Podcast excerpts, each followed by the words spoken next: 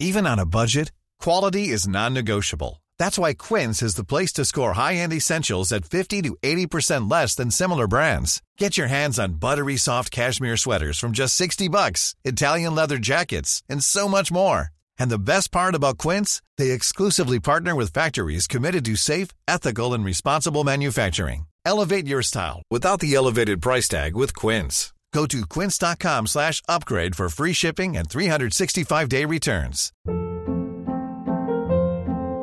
Hold up. What was that? Boring. No flavor. That was as bad as those leftovers you ate all week. Kiki Palmer here, and it's time to say hello to something fresh and guilt-free. Hello Fresh. Jazz up dinner with pecan-crusted chicken or garlic butter shrimp scampi. Now that's music to my mouth. Hello Fresh. Let's get this dinner party started. Discover all the delicious possibilities at hellofresh.com. Many of us have those stubborn pounds that seem impossible to lose, no matter how good we eat or how hard we work out. My solution is PlushCare. PlushCare is a leading telehealth provider with doctors who are there for you day and night to partner with you in your weight loss journey. They can prescribe FDA-approved weight loss medications like Wagovi and Zepbound for those who qualify. Plus, they accept most insurance plans. To get started, visit plushcare.com slash weight loss. That's plushcare.com slash weight loss.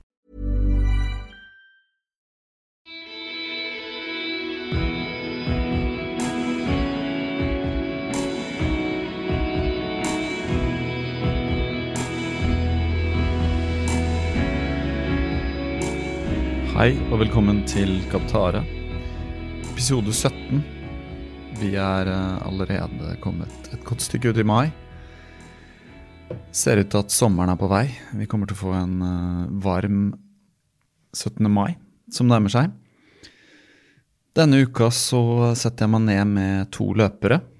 Eh, Eline Øydvin og Leif Åge Solli kom på besøk.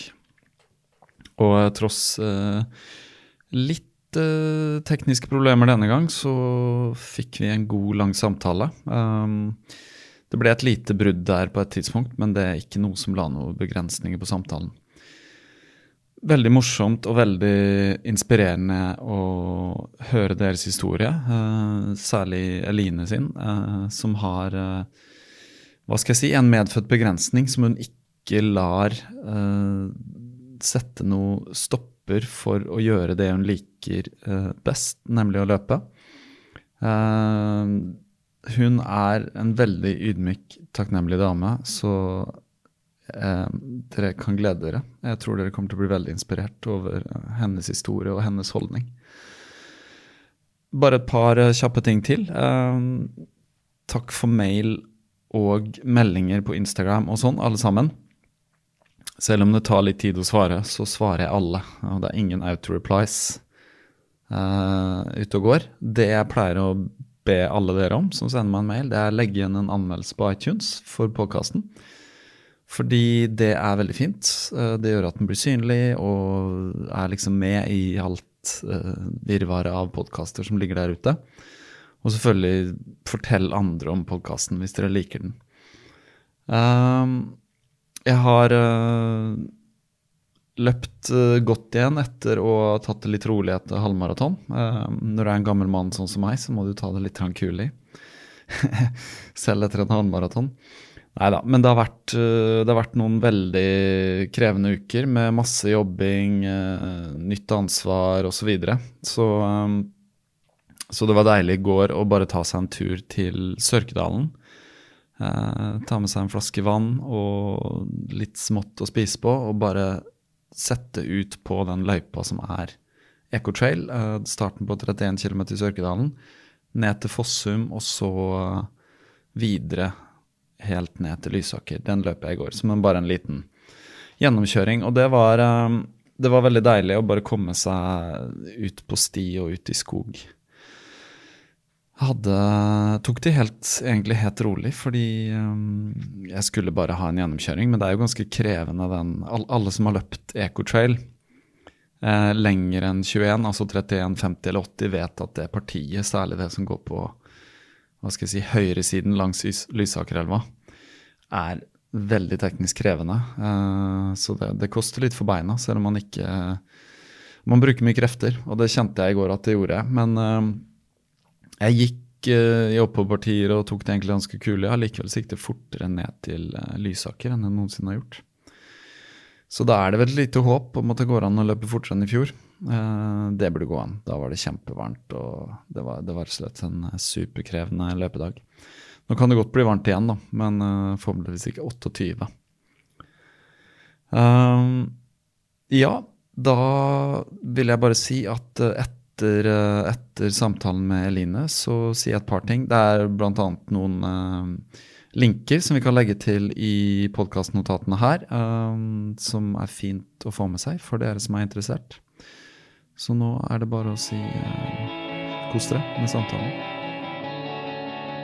Her sitter vi uh, en regntung dag i Oslo med, med kasser stabla opp som jeg har min mikrofon. Så hvis det blir litt rar lyd, så skyldes det at jeg glemte stativ.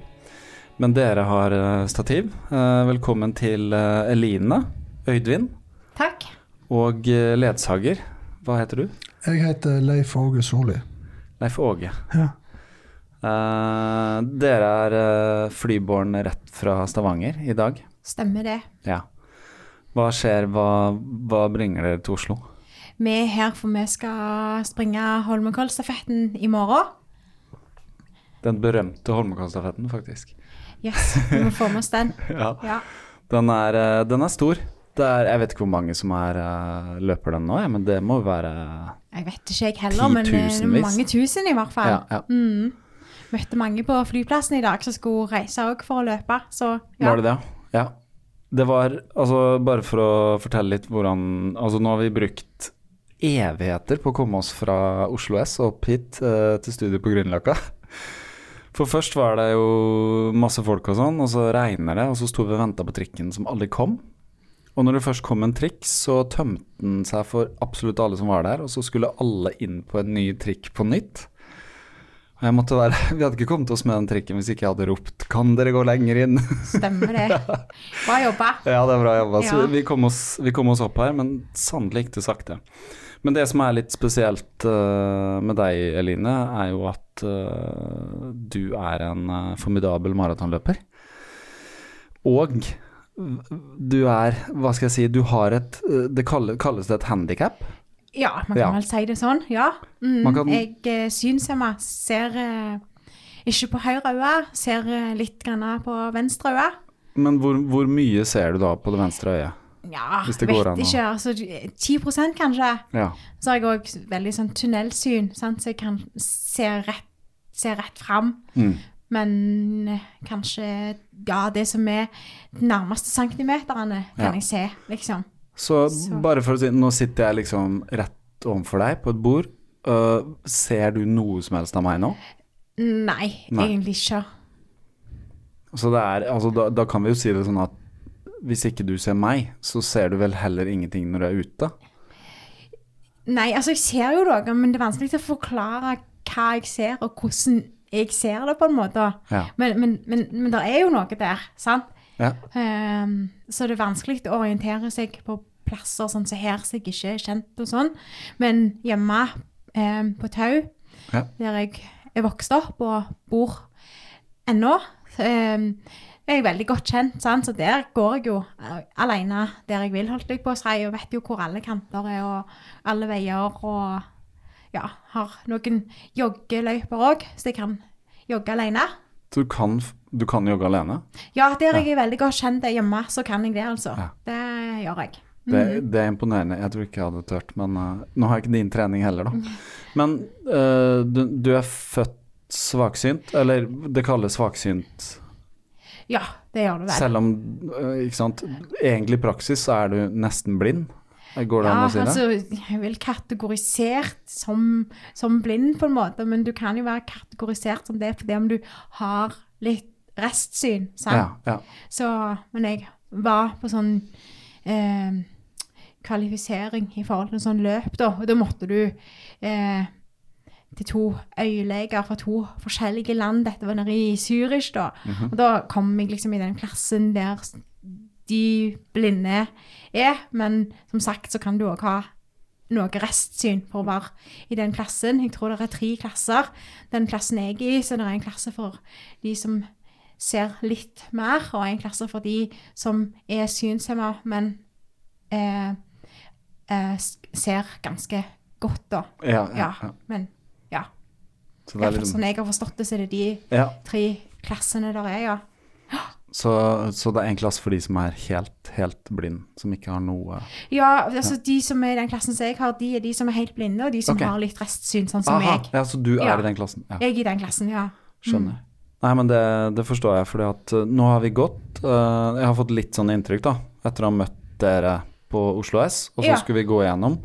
Og så se litt hvordan du Fortell litt hvordan det er å orientere en som er nesten blind, da.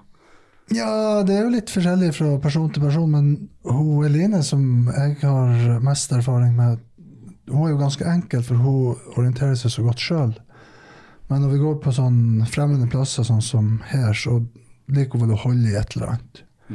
Sånn som i dag, så holdt hun litt i bagen, eller holdt i jakken, eller Men eh, normalt når vi går på plasser der, der det er litt mer åpent, og vi er litt bedre kjent, så går du bare på sida av meg. Og da sier jeg bare fra hvis det er spesielle hindringer eller kommer noe i veien, da. Mm. Sånn som uh, syklister og barnevogner og alt sånt der som kommer. Ja, for hvis noen kommer på en måte mot dere, så kan jo ikke de vite Nei, de har jo ikke noen forutsetning for å vite at hun Nei. ikke ser dem. Nei.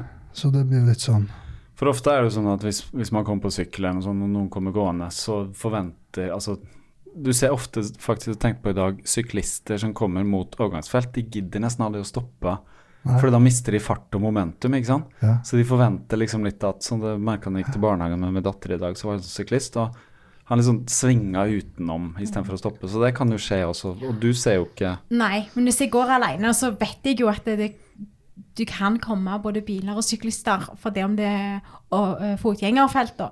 Så da vet jeg å passe meg, så jeg hører jo etter om det kommer noen da, før Ja. jeg går. sant? Så det har jo aldri skjedd at jeg har blitt påkjørt av noen syklister eller ja. Hvis jeg går med noen ledsager eller noen jeg går sammen med, så slapper jeg mer av. sant? Da stoler jeg jo mer på at de ser. sant? Mm. Men når jeg går alene, så, så vet jeg å passe meg, holdt jeg på å si. Ja. Ja. Men det, har, har det noen gang skjedd noe som har vært uh, skummelt eller farefullt? Nei, det har vel ikke skjedd noe med meg. Det har det ikke. Uh, det har faktisk skjedd noe med den ene ledsageren min en gang. Han ble faktisk stygt påkjørt en gang med Oi. eh, Ja, det var ganske alvorlig, det. Han måtte bli henta av, av Sea King, eller ambulansehelikopteret, og fikk store skader. Og hadde lang tid på sykehuset og ja, hadde vel halvannet år før han kom seg på beina igjen. Oi. Hva, hva, hva skjedde der, eller hva skyldtes det? Mm. Nei, det, var, det meg og han eh, og ei dame hjemme som pleier å løpe langturer sammen. Ehm, men så er det sånn at meg og hun dama vi springer nok litt raskere enn han mannen, da. Sant? Så når vi har løpt 10 km, så pleier vi å springe ifra han. Vi har bare avtalt at da øker vi tempoet, så springer vi til enden av veien, og så snur vi, og så møter vi han igjen på returen. Og så tar vi og sakker ned tempoet når vi møter han og springer tilbake. Det er sånn langtur på 35 km ca. totalt. da. Men da når vi kom tilbake, og så så vi jo etter han. Sånn som vi pleier, da. Og så plutselig så så man lå i veikanten, blodig og fæl og Oi. greier. Vi kom liksom ikke på at han var blitt påkjørt. Vi trodde at han eh, hadde falt om. Han er lege sjøl, og han sa oh, jeg tror jeg har fått et aneurisme. Og det er jo at eh, hovedpulsåra har sprukket. Sant? Når han er lege, så trodde jo jeg òg at eh, ja, da er det sikkert det han har fått, da. Ja. Så da skjønte jo at dette er jo veldig alvorlig. At eh, han kommer jo kanskje til å dø ganske snart hvis lungene og ja, han blir fulgt opp av blod inni, holdt jeg på å si. Så da skjønte vi at vi må få helikopteret til å komme med en gang. Da haster det. Da hastet det veldig, så da ringte vi jo 113. Og helikopteret kom Nå klarer jeg ikke å huske hvor mange minutter det var, men det var ikke mange minuttene, altså.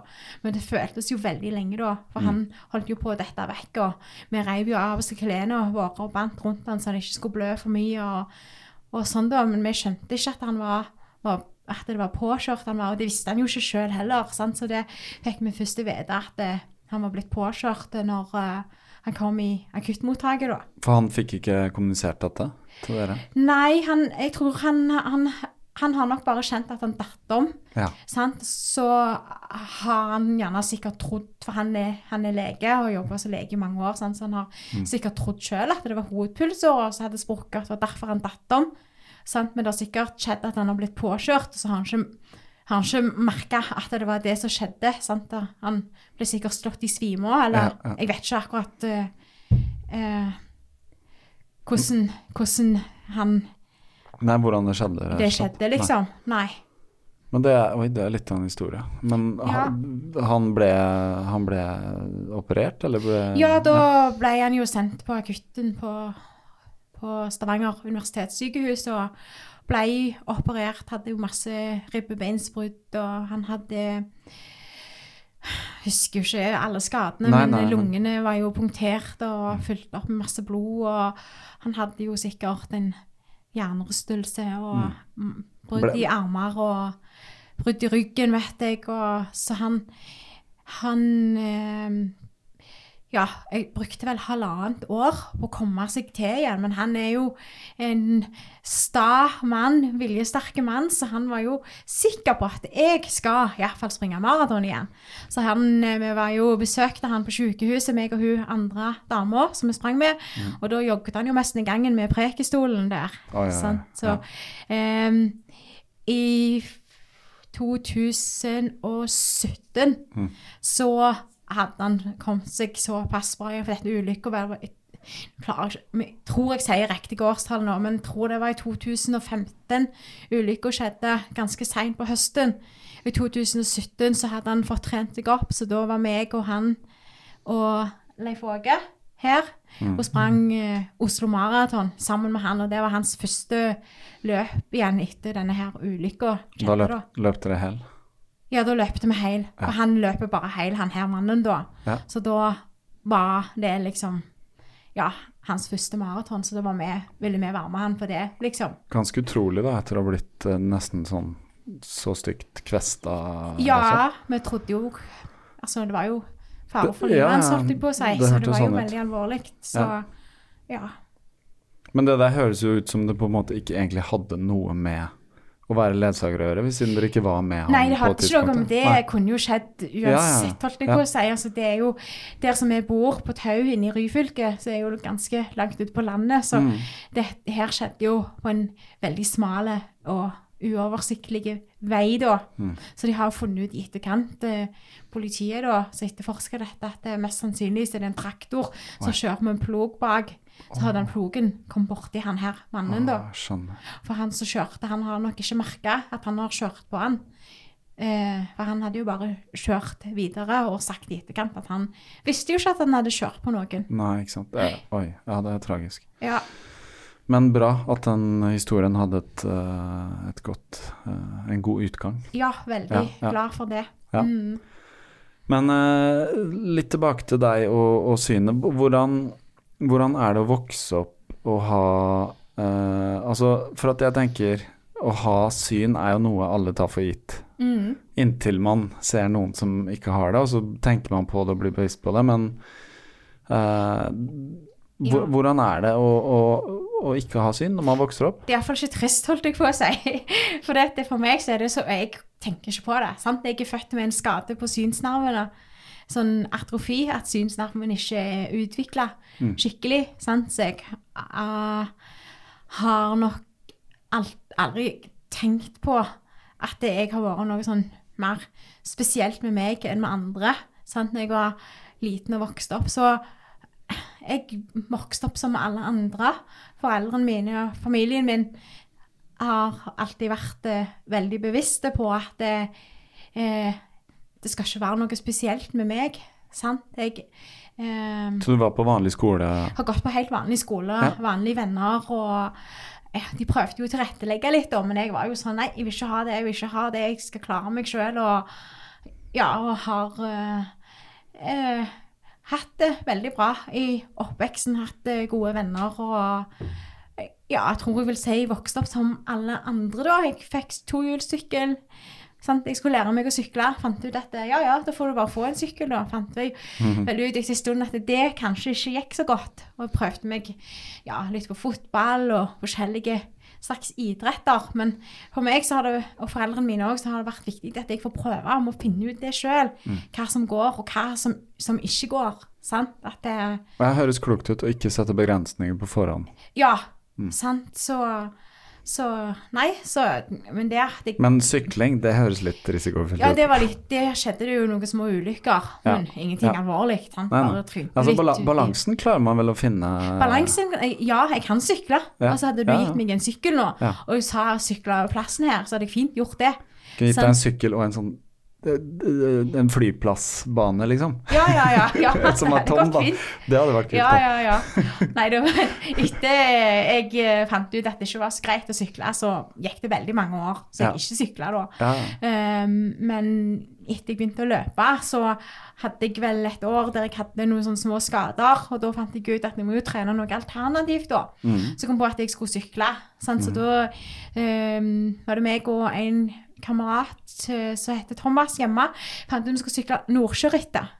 Um, det er eh, Jeg tror det er ni Ni mil. mil, ni mil. Ni Ni, mil. ni mil, ja. Ja, delvis i terreng. ja. Ja, du sykler en del på landevei og en del i skog og sånn. Så vi fant en gammel tandemsykkel på finn.no. Jeg tror vi betalte 1500 kroner. Denne her tingen, for vi hadde jo ikke så mye penger, sant? men jeg tenkte ja, vi kjøper nå den med.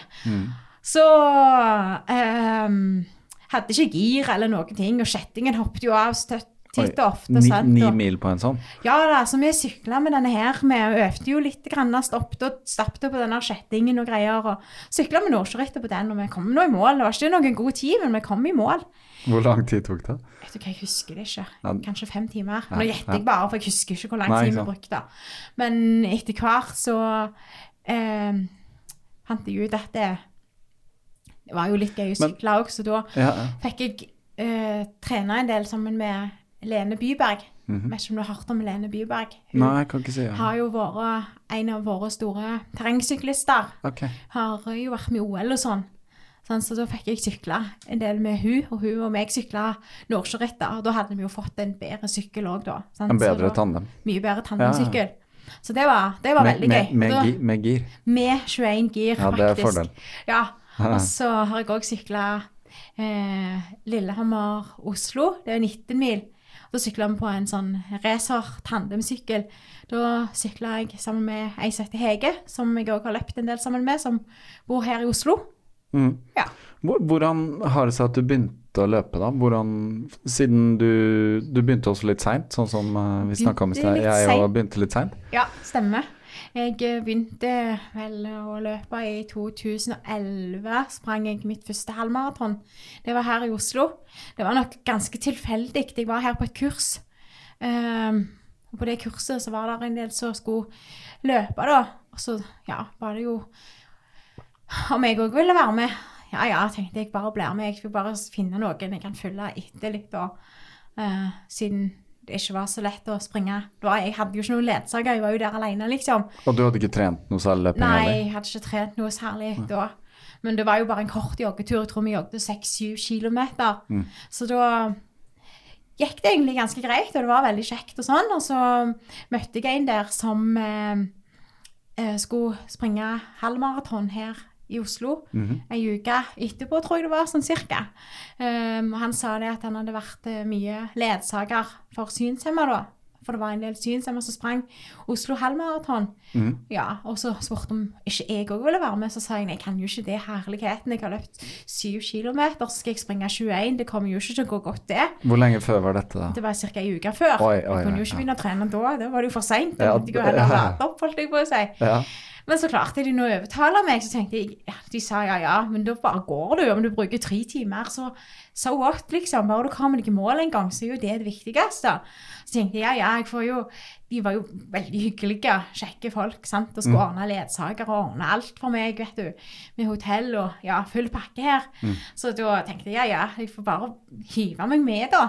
Så det gikk mye bedre enn forventa. Jeg fikk en veldig hyggelig, hyggelig ledsager som hjelpte og motiverte og var så, så greie med meg, da. Så det gikk ganske bra til 18 km. Da begynte krampen å komme. Så da var det jo bare å hoppe de siste tre kilometerne Oh, og komme seg i mål. Men Ja. Ja. Så vi kom i mål på 1 time og 44 minutter, så det var jo På den første halvmaratonen på den første halvmaratonen. Til ikke å ha trent så mye, liksom. Ja, det er veldig brukbart. Da, hadde, du- da skjønte du at du hadde talent, da. Ja, jeg har, jeg har jo altså, jeg har jo ikke noe sånn talent, sant. Nei, men du har liksom et grunnlag, jeg vil hadde jeg jo si. Altså, ja, det gikk jo fint, på en måte, sant. Mm. Så for jeg Altså, for meg Altså, jeg syns jo det er kjekt med gode tider og springe bra, men jeg, det viktigste for meg er jo egentlig gleden med det å at løping er jo en idrett som jeg som synshemma òg mestrer. Mm. sant? På lik linje med alle andre, på en måte. Det er jo ikke noe galt med føttene. Ingenting. Sant? og Nei, ingenting Nei, galt det er jo egentlig det er ingenting i veien med noen ting utenom at du på en måte ikke ser. Det er, liksom, Ja. det er snakk om en synsnerve som egentlig antagelig er kjempeliten. Ja, det er det som er Altså, ja. Ja, ja, ja. Men hvordan kom Leif Åge inn inn i bildet? Nei, da var det vel Ja, og jeg leste første gang om henne i Stavanger Aftenblad. Mm. Og da hadde hun sprunget et løp i Stavanger, og så oppfordra hun folk til å melde seg som ledsagere. Mhm. Og så sendte jeg Eller det var en sånn nettside da, så du kunne registrere deg på, og så gjorde jeg det. Og så var det ikke Jeg tror det gikk nesten et år før jeg fikk en mail fra henne at uh, ledsageren som hun hadde, skulle trappe ned litt, og så ville hun springe litt, kanskje litt fortere og litt lenger, et eller annet sånt. Mm. Så begynte vi å springe i lag i jeg tror det var 2012, noe sånt. Var ikke det? Jo, jeg tror det var i 2012. Rett etter jeg kom tilbake fra New York første gangen, så begynte vi å springe sammen. Og da hadde du løpt maraton i New York, eller? Allerede, eller var det Nei, da hadde jeg vært i New York, men det året ble New York Marathon avlyst. Ja, det var det, var det ja. Det var det. Var det- Men mitt første maraton, det løpte jeg i eh, på våren i 2012, for da hadde jeg jo sprunget det halvmaratonet her i Oslo. Um, så etter det så ble det litt sånn Aftenblad, altså Stavanger Aftenblad hjemme skrev litt om meg og ble litt sånn oppmerksomhet, så da var det jo flere som tok kontakt og som kunne tenke seg å være ledsager hjemme. Så da møtte jeg en veldig kjekk, snill mann som hadde løpt masse løp, masse maraton. Så han sa bare velg et eller annet løp i Europa, så kan, hvis du vil springe maraton, så bare velg et eller annet, så skal jeg bli med, og jeg skal trene med deg sånn at du skal klare det, liksom. Så da reiste meg og han og mannen min og kona hans, og så da løpte meg og han Rotterdam maraton sammen. Så det var det første maratonet jeg sprang. Ehm, så fant vi ut at eh, vi skulle prøve å springe New York òg, da. Men du hadde fått trent før Rotterdam? Ja, ja, ja. da- Da, hadde jeg fått trent mye Ja. med han, eh, han mannen som, jeg, som da var min ledsager. Ja, mange langturer og Ja, hadde, men han var jo en erfaren maratonløper, mm. så han hadde jo sprunget masse maraton. Så han visste jo hvordan vi skulle gjøre det. Jeg hadde jo null peiling, sant? men han eh, visste jo hvor mange langturer vi skulle ha, og intervaller hadde vi litt. Og, så da, da hadde vi skikkelig eh, opptrening til Rotterdam, altså. Det hadde vi. Eh, det som skjedde da, på første maraton, det var jo at eh, han eh, plutselig så ja, måtte ta seg en liten tur ut i skogen Okay. på rett nødvendig ærend, holdt jeg på å si. Ja. Så han sa til meg ja, bare fortsett å jogge eller gå, bare rett fram, du. Mhm. Sant? Og OK, jeg gikk, for, gikk rolig av gårde fram gjennom, jeg, da. Men han kom jo aldri tilbake igjen, denne her mannen. Oi. Sant? Fordi at eh, Jeg vet ikke hva som skjedde, men han, han det var jo masse folk, mange Ja. tusen som Ja. løpte. Så han, han trodde jo at han bare skulle finne meg, sant. Men det gjorde han jo ikke. Men for det er et kjempemaraton, det. Det er masse folk. Ja, masse Ja, folk. ja. Så da, Jeg skjønte jo det etter en stund at eh, han finner meg nok ikke. Mm. Så da hørte jeg noen som ropte 'water, water, water'. Så tenkte jeg OK, her er det en drikkestasjon. Mm. Jeg går bort der så de roper, og så spør jeg hva jeg skal gjøre. Enten Mm. så må jeg jo bare bryte løpet her, eller så må vi jo prøve å finne han der mannen igjen på en eller annen måte, da. Mm. Eh, men de var jo så greie, disse her på drikkestasjonen, så de ordnet jo med en eller annen sånn fartsholder. For fartsholderne der sprang hvis det er en time hver. Mhm. Sånn, så en av fartsholderne som var ferdig med jobben sin, kom til drikkestasjonen og plukket meg opp og sprang resten av løpet med meg. Hvor langt var det kommet da? Ja, Vi var ikke kommet så langt. Jeg tror bare vi har sprunget 10 km. Oi, Så jeg sprang vel 32 med en, eh, en kjekk hollender. Ja, Som Ja. egentlig var ferdig på jobben for dagen? Ja, Som fartsholder på første tid, ja, kanskje? eller? ja, så det var jo kjempesnilt. De var jo så hyggelige og fulgte meg til hotellet etterpå, så jeg skulle komme tilbake og hadde med blomster, og det var jo fantastisk snille, snille folk, altså. Ja. Så da kom jeg i mål på mitt første. Men det, det kan jeg spørre deg om, Leif Åge. Hva, hva sier man altså når man løper med en som er blind? Hvordan veileder man? Man bruker ord hele tiden, ikke sant? Så er det liksom en metode å gjøre det på, eller? Nei, altså, det, det er sikkert, men altså, det er litt eh, avhengig av hva den som ikke ser, ønsker, Mm. og hvor mye informasjon den trenger. Noen, hun Line trenger jo egentlig ikke så mye, for hun altså Hvis vi springer der det er mye folk, så hører hun hva vei det altså folk, Hun hører hva vei den svinger, og så Mm. Jeg, trenger ikke å si så mye. Det er helt Du hører lyden foran deg, liksom? Ja, og så er det sånn, Hvis det skjer sånn at det blir trengsel, og sånt, så tar jeg henne bare i armen, og så Der uh, Vi fikk faktisk et uh, batteribrudd. Det er første gang i historien, men uh, alt som kan skje, må jo skje på et eller annet tidspunkt. Alt som kan gå gærent, går jo gærent. Så det er, det er min feil, eh, lyttere. Det er jeg som har glemt å lade de oppladbare batteriene. Heldigvis har jeg reserve backup, såpass har jeg tenkt. Hvis ikke så hadde det vært helt krise, måtte avlyst hele denne podkasten eller løpt ut og kjøpt nye batterier. Men vi var eh, i Berlin. Um, Leif Åge, du forklarte Ja, jeg forklarte litt om ledsaginga, og vi sprang i Berlin. Og jeg vet ikke om jeg brukte så mye krefter på akkurat ledsaging, men det var jo et flott løp, god atmosfære og god stemning. Og jeg high fiva alle ungene som sto langs veien. Og det koster krefter å tulle underveis. Det gjør det. Så jeg vet ikke hvor langt vi kom, men eh, de siste fem kilometerne, da måtte jeg be en tysker om å assistere Oveline i mål, for da var jeg tom. Så Ja. Hva måtte du gå, eller var det bare ja, jeg måtte ja. slå ned farta ganske Ja. betraktelig. Så, Men han tyskeren han var ikke noe god i norsk og ikke engelsk. Nei. Så han prøvde jo å snakke masse tysk med meg, og jeg skulle jo sette pers, og jeg er jo ikke så veldig god i tysk. Sant? Så jeg eh, måtte jo prøve å si det jeg kunne på tysk, da, for han begynte jo å spørre masse om Norge og masse greier. Og jeg skulle snakke tysk og være høflig, og jeg var jo òg sliten, men jeg ville jo For målet var jo å springe maraton under 3.30 der, sant? Ah, ja. Så til slutt så måtte jeg bare be han veldig fint om han kunne være stille, ikke si noe mer. Sant? Eh, Så han, han, han var jo så hyggelig, så han skjønte jo det, da. Sant? At, det- at jeg prøvde å sette pers og sånn. Sant? Så forklarte jeg han jo, sa Forklarte jo etterpå hvorfor, eller hvordan det var, liksom. Så det gikk jo veldig fint. Du kom deg i mål på ny pers, eller? Ja, vi kom i mål på Vi klarte ikke 3.30, men, vi- men vi kom i mål på 3.33, da. Ja. Ja, så da var jo det ny pers etter New York-persen. Ja. ja, ja. Hva hadde du løpt på i New York, da? Da hadde jeg på 3.38 i. New York. Mm. Det er ganske fort å være blind, altså. Det er liksom, de fleste må jobbe litt for de tidene der.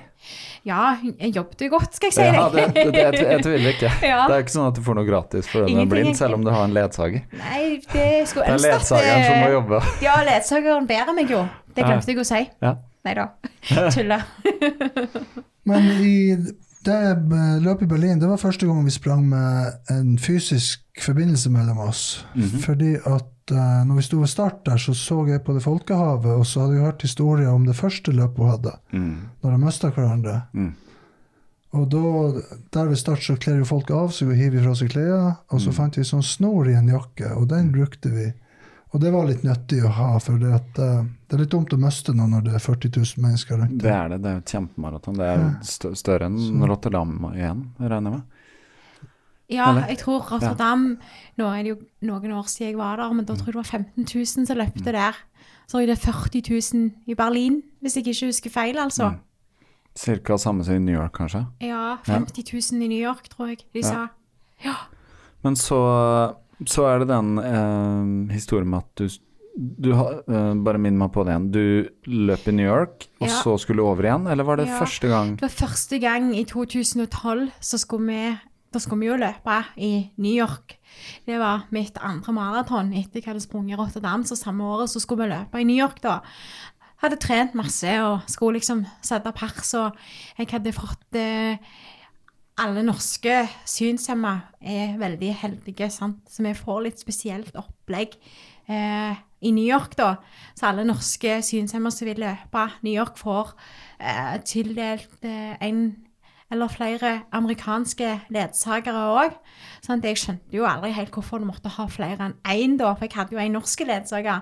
Så skulle jeg få en amerikanske, men jeg fikk jo tre amerikanske i tillegg til han norske som jeg hadde med meg.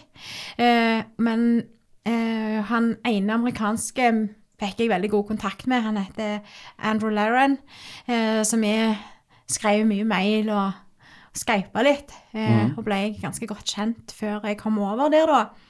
Eh, så ja, før den uka vi skulle reise, så var det jo sånn Hurricane Sandy som herja der. Så da Ja, alle husker vel den hurricanen. Det var jo Ja. masse ting som ble ødelagt. Mange folk mista jo hjemmene sine, og hele Manhattan ble jo mørklagt, og alle undergrunnsstasjonene var jo oversvømt. Så da var det jo veldig tvil om det skulle arrangere maraton eller ikke, sant, på grunn av denne store katastrofen som hadde skjedd. Eh, men jeg tror det var tirsdagen før, da skulle jo maraton være på søndagen, så annonserte borgermesteren i New York at det, jo, det skulle bli New York Maraton. Mm. Og da var vi jo, jeg tror de sa at vi var ca. 20 000 som reiste over fra Europa da, eh, for å springe. Eh, og blant annet oss, da. Mm. så når vi kom bort, så var vi på Expoen, henta startnummeret våre og kjøpte T-skjorter med New York Marathon og ja. Gleder oss skikkelig til dette her, da. Sant? Vi syns jo selvfølgelig det var trist med alle som var blitt ramma av, av denne hurricanen, men ja. Men vi var også glad for vi var så heldige å ha fått komme der og skulle springe maraton. På kvelden da, den torsdagen, etter vi hadde vært på Expoen, så skulle jeg møte han Andy, han amerikanske, en av de amerikanske ledsagerne mine. Så da ja, han skulle komme til hotellet, og vi skulle ta en kaffe og bare snakke litt, liksom. Um, uh, men det første han sa da, når han kom, er det liksom nettopp bare hilst, liksom, sant? Så sa han, jeg må bare fortelle deg noe, og det er jo at maratonet dessverre har blitt avlyst. Så tenkte jeg sånn, hæ? Det var jo en litt merkelig spøk å ta. Med en gang vi har hilst, så sier du det, liksom. Jeg, Det gikk liksom ikke helt opp for meg at det faktisk var jo sant. sant? At det var avlyst. Så, men jeg skjønte jo etter hvert at det, det var jo faktisk sant. Det var avlyst. Men hva var det som skjedde det året? For at de hadde sagt vi kjører på eh, en Ja, uke før, så- eller fem dager før, og så kom alle over. Og så hva var det som gjorde til slutt at eh, Sånn som jeg forstår, men jeg, jeg, jeg vet ikke om, om jeg vet alt hvorfor det egentlig ble avlyst, men sånn som jeg forsto, så var det jo altså det, det var jo en stor naturkatastrofe. sant? Ja. Mange folk hadde mista hjemmene sine, og mange folk hadde ikke strøm. sant? Og jeg vet ikke om noen som hadde omkommet, det er jeg ikke sikker på, men det, det var jo en veldig stor naturkatastrofe. sant? Hus var jo blitt kløyvd i to, og hele undergrunnssystemet i New York fungerte ikke. Når vi fløy inn, så var jo Det var helt spesielt, for halve Manhattan var jo altså Lower Manhattan var jo mørklagt. sant? Det var ikke strøm der. og så folk eh, mente jo at eh, man burde bruke ressursene, eh, de frivillige krefter og alt dette her, på å hjelpe befolkningen som var blitt ramma av denne her forferdelige naturkatastrofen. Og det forstår jeg veldig godt òg. Ingen ingen Altså, jeg forstår veldig godt, godt hvorfor de valgte å avlyse. sant? Ja. Men det som mange syntes var litt rart, det var at de ikke bestemte det før. det, de burde jo bestemt det, for de fleste fra Europa kom jo over på onsdagen, torsdagen. sant? Eh, de bestemte dette her på torsdagskvelden. De burde jo kanskje bestemt det før. sant? For nå fikk jo de veldig store inntekter da, med alle turistene og alle som kom, kommet over. sant? Så noen sa jo liksom at det, det var dårlig gjort at eh, de ikke bestemte det med en gang. sant? Eh, det, var, men- det var sikkert, uten at vi vet det, sikkert litt sånn motstridende krefter. Noen ville det skulle skje, og noen ville sikkert ikke det skulle skje. Ja, det var Og det. man kan skjønne liksom begge Jeg kan skjønne begge sider, jeg, altså. Det kan jeg absolutt. Men, Men, men da var det avlyst, og da var nedturen et faktum? da var nedturen et faktum, vet du. Så da Ja, nei, da måtte vi jo bare innstille oss på at nei, nei, da ble det ikke noe New York Marathon. Men han Andy, han eh, eh, som var den en av de amerikanske ledsagerne mine, han er journalist eh, og Den tida der så jobbet han i The New York Times.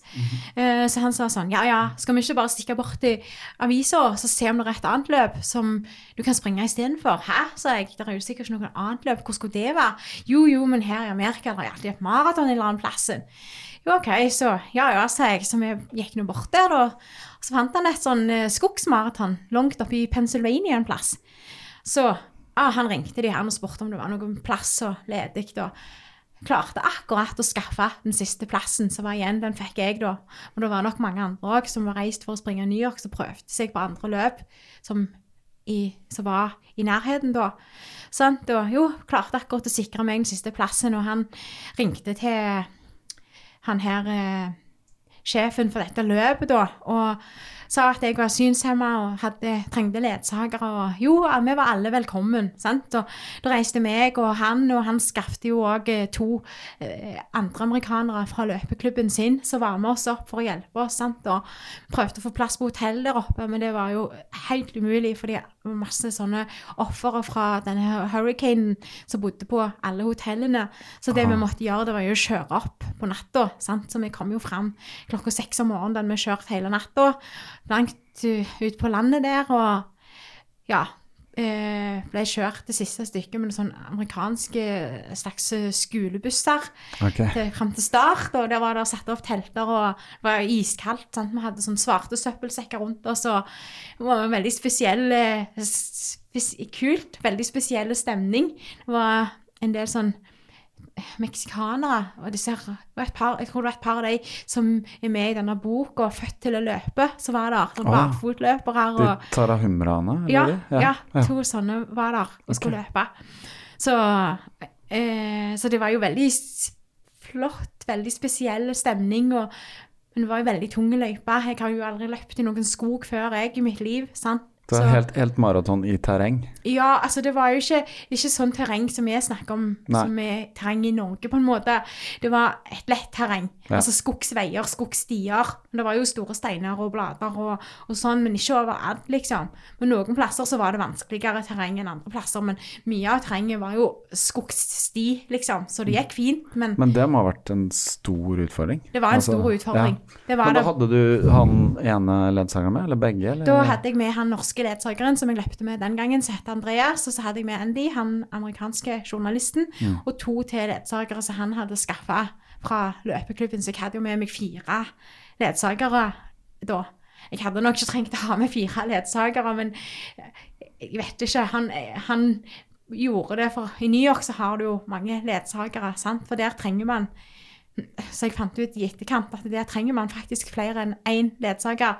Men jeg tror han, han gjorde det for at i New York skulle det være så mange ledsagere, så jeg tror nok han gjerne tenkte at uh, vi trengte det der òg. Men egentlig så hadde det holdt med én mm. ledsager, altså. Men når de var så greie å ordne alt, sant, og så, så vil jo ikke jeg begynne å si nei, nei, nei, de trenger ikke være med, og de får ikke være med. Så jeg var jo kjempetakknemlig for at alt det de gjorde for meg, liksom.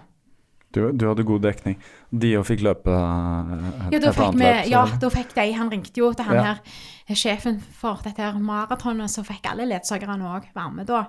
Men jeg, jeg, jeg, leste, for det er en liten artikkel som han skrev, han Andrew, journalisten, ikke sant? Ja. Den kan jeg linke til, eh, faktisk. Men eh, det, det var bare 300 eller noe sånt som løp? Eller var, var det så lite? Eller ja, det var nok jeg- Vet du hva, nå husker jeg ikke antallet, men det var noen hundre som løpte ja, der. Det var ikke mange, det var jo et veldig lite løp. Fra sant, liksom et så- gigantmaraton, 50 000, til liksom 300 Ja, så det var jo noe totalt annerledes enn det vi skulle. Ja. Men det var jo veldig kult òg.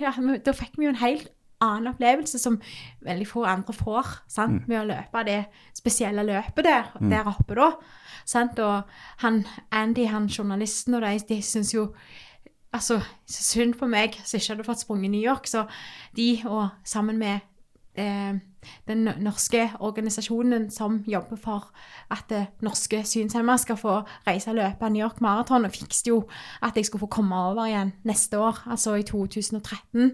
Så da reiste jeg jo over til New York igjen og fikk springe New York Marathon året etterpå. Hva, var det- du med da? Du må bare ta mikken fram igjen, forresten. Var du med da, Leif Åge? Nei, jeg har ikke vært uh, Du var ikke inne i bildet ennå? Jo, Nei. jeg var inne i bildet, Ja. men uh, jeg var ikke med til New York, for det var jo litt sånn Det er litt spesielle omstendigheter. Ja, det var vel litt med Ja. Ja. Ja. Nei, så da sprang vi, sprang vi New York, og etterpå det så fikk jeg jo Vi fikk jo veldig god kontakt med han Andy, da. Så han og kona hans og de to ungene hans har jo vært her i Norge og besøkt oss flere ganger. Og ja, vi har tatt dem med på Preikestolen og ja. De, han er journalist, så han pleier å komme her til Oslo og holde litt foredrag på denne her eh, Datascoop-konferansen som de har. Så da har de jo vært her flere ganger i forbindelse med det, og da kommer de alltid over og besøker oss. Meg og min familie, liksom. ja. Mm. Så Og så har dere reist uh... til Boston reiste vi Ja. og løpte med han Andy. Og så reiste vi òg Jeg klarte jo å kvalifisere meg til Boston i New York, da. Ja. Og der er det jo sånn du må kvalifisere deg for å få bli med. Så vi klarte det, så fant vi ut at da, da må vi bare gjøre det. For det er jo ikke sikkert du klarer å kvalifisere deg en gang til, liksom. Nei, nei. Så løpte vi det, og så øh, i fjor, da, nei, forfjor, da øh, var, jeg for med. Da reiste vi til California og sprang øh, California internasjonale maraton. Og der var det vel 100 synshemmede med fra hele verden. Eller altså fra, ikke fra hele verden, men iallfall fra alle verdensdeler. Er, er, er det mange i et maraton? Sånn, hvor, hvor mange er det som pleier å være synshemma, som stiller? få. Ja. Eh, som regel så er det jo Her i Norge så er det som regel bare meg, holdt jeg på å si. Altså, I Oslo så er det litt spesielt. Der er det en del som løper iallfall halvmaraton. Mm. Så det er én til mann som jeg vet som løper maraton. Ja. Men jeg vet ikke om jeg tror kanskje han har gitt seg nå. Så det er ikke så mange da. Men i Amerika så er det jo en del flere da. Ja. Så er det en del i Asia som kommer òg fra Asia, holdt jeg på å si. Så da er det faktisk mange som reiser til dette i California? Ja, for dette der har de sånn egen klasse for vanligvis. Sånn som når du løper her i Norge, så er det jo, springer du jo med alle de andre, holdt jeg på å si. Men der så har de en egen klasse, sånn internasjonal klasse, som er bare for synshemma. sant? Så har de sånn stipender. Så, så jeg var jo veldig heldig og fikk, ble invitert av arrangøren der. Og fikk et stipend, sånn at eh, jeg hadde mulighet til å reise over da. Sant? Så det var meg, og så var det en fra Australia som fikk stipend, og en, en jente fra Japan. Og så var det jo en del andre som betalte sikkert sjøl og kom over, eller fikk stipendordninger på andre måter, da. Så vi var vel 100 stykker i den klassen for synshemma, da. Da, da løp du, Leif Åge? Ja, da var Ja. jeg med og sprang. Ja, hvilken by var det i? Det var i Sacramento. Ja, Så, jeg husker ikke helt hvor det er, for å være helt ærlig, men det er litt innen i landet i California. Det er hovedstaden altså, Ja, det er i hoved... California, så det er litt sant. inn i landet, ja. Ad administrative, liksom. Mm. Ja. Men uh, da løp dere sammen, og, men var det etter uh, at du hadde løpt i Boston?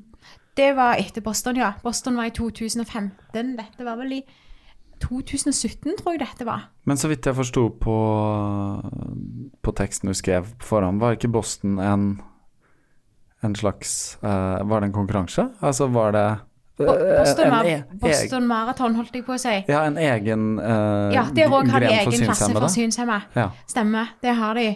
Så der òg var det Der var det han Andy, han journalisten, som var med meg, pluss en norsk ledsager som jeg har løpt en del med, som heter Geir.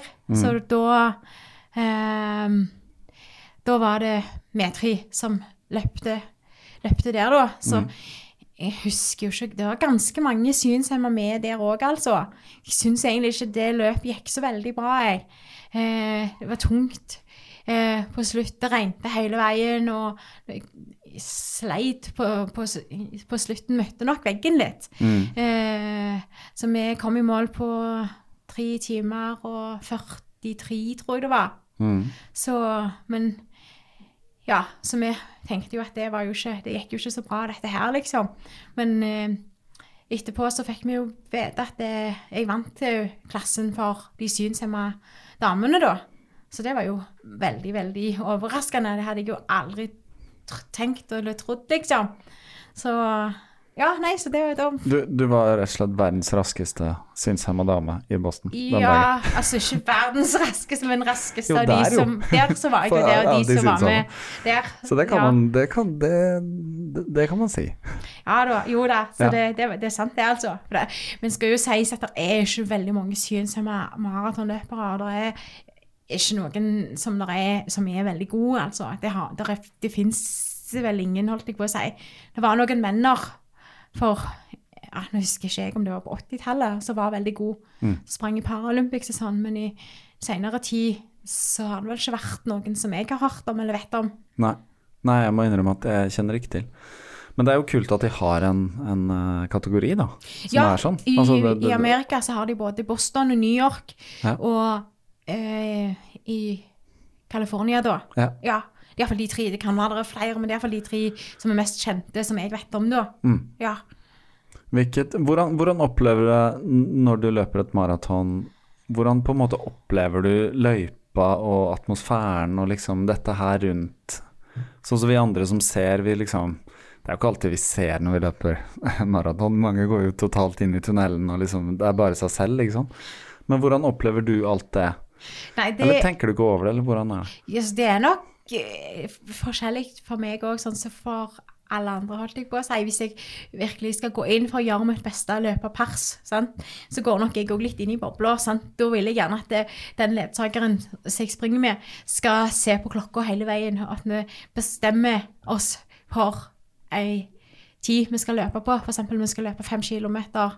Nei, eh, fem minutter per kilometer. Sant? At eh, jeg vil at ledsageren skal se på klokka, gjerne si fra hver kilometer, og se på klokka og holde, holde farten. Sånn at det ikke blir for fort eller for seint, liksom. Og da kunster jeg nok veldig, så da sier jeg vi blir liksom enige på forhånd at vi du snakker, men du får ikke noen respons fra meg. sant? Så det er jo en, gjerne en fordel hvis du skal prøve å perse og ha en ledsager som er sterkere enn meg, som klarer å være ledsager og klarer å se på klokka samtidig som han òg må Har du, har du gjort mye av det, Leif Åge? Altså vært sånn på tid? Ja, ja eh, vi prøver jo For vi, vi springer ganske jevnt. Mm. Når vi, når vi bare fører opp farta, så prøver vi å holde en sånn jevn dur. Mm. Og så For det, det er jo litt sånn viktig, da. Du som ledsager og du som blir ledsaget. eh, at dere er liksom litt sånn på samme nivå, eller har liksom samme Det er jo ikke så lett, det, for ofte man løper jo nesten alltid alene i et løp. Sånn som alle løp jeg har løpt, så har jeg jo løpt alene. Selv om innimellom løper du ved siden av noen og henger på en rygg, eller Nei, Det kommer jo an på hva løp du skal løpe. Sant? Sånn som Hvis jeg vet at jeg skal springe et løp der jeg har lyst til å springe alt det jeg kan, prøve å perse meg, sant? er jeg nesten avhengig av Da må jeg jo ha en ledsager som er like god, eller aller helst enda litt raskere enn meg, sant? som ledsager. som du vet kan dra deg litt som kan dra litt, og har også, sant, skal du ledsage og se på klokka, sant, så må du gjerne ha litt ekstra kapasitet, sant? At du ikke går helt opp på maksen din, sant? Ja, ja. Men jeg springer også mange løp for det, som jeg springer med ledsagere som springer senere enn meg. Det gjør jeg. For dette for meg, så altså, Jeg syns det er kjekt å prøve noen løp en, en, en sjelden gang iblant og springe maks av det jeg kan. sant? Men mange løp springer jeg jo bare fordi dette jeg syns det er gøy å være med i løpet. sant? Om tida blir fire timer, eller om tida blir 3,40, så so what, liksom. sant? For det viktigste, som jeg sa tidligere, er jo gleden. Det med å komme seg ut, stemning i løpet og treffe alle folk. Og det er jo veldig sosialt. Alle løpere jeg møter, er jo kjempehyggelige. sant? Og Ja. ja, så det er gleden som er det, det aller viktigste. sant?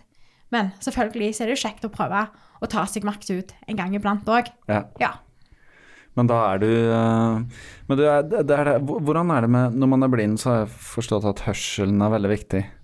Hvordan orienterer du deg når du løper i forhold til Sånn som når det er i en stor masse av løpere, da? I et maraton.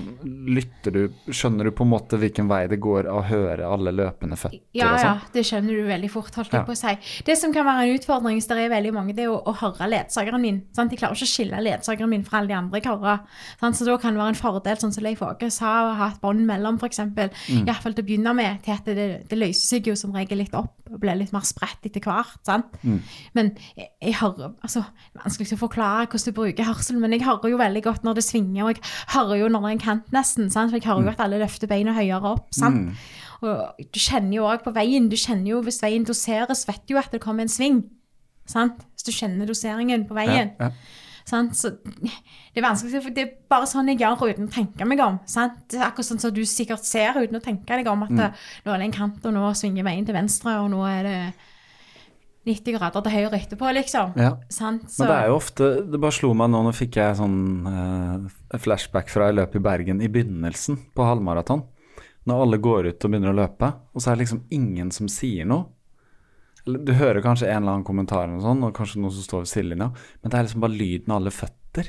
Sånn, tjung, tjung, Spesiell tjung, stemning. tjung, tjung. Ja, det er Ja. så, alle er sånn superfokusert i begynnelsen. Ikke Ja. sant? Og i begynnelsen er alle samla også, så var det sånn veldig mange, da. Ja. En stor i Bergen og 5000 løper halvmaraton, Ja. liksom. Det, det, det er spesiell stemning. sant? Mm. Og det, det som jeg òg kjenner, det er luktene. sant? Jeg kjenner jo at er folk er nervøse. Altså, Ja, du, ja, okay. det, jeg tenker gjerne ikke andre folk om, men det kjenner Nei, jo jeg nei. at det lukter liksom litt sånn tigerbalsam, og noen Ja, ja. svetter nok litt for de er nervøse, sant? og litt sånn, sånn søtt sportsdrikk. Og, Ja. Så kjenner, det, det er veldig spesiell stemning, liksom. Det der slo meg faktisk når vi snakker om lukt. eh, første gang jeg tror jeg har tenkt på det, eller jeg, jeg tenkte på det når jeg skulle begynne i Bergen nå, på halvmaraton. Og så hoppa jeg liksom inn, eh, ikke, sånn, ikke først liksom, men der jeg visste at jeg så en 30-ballongen foran der, liksom.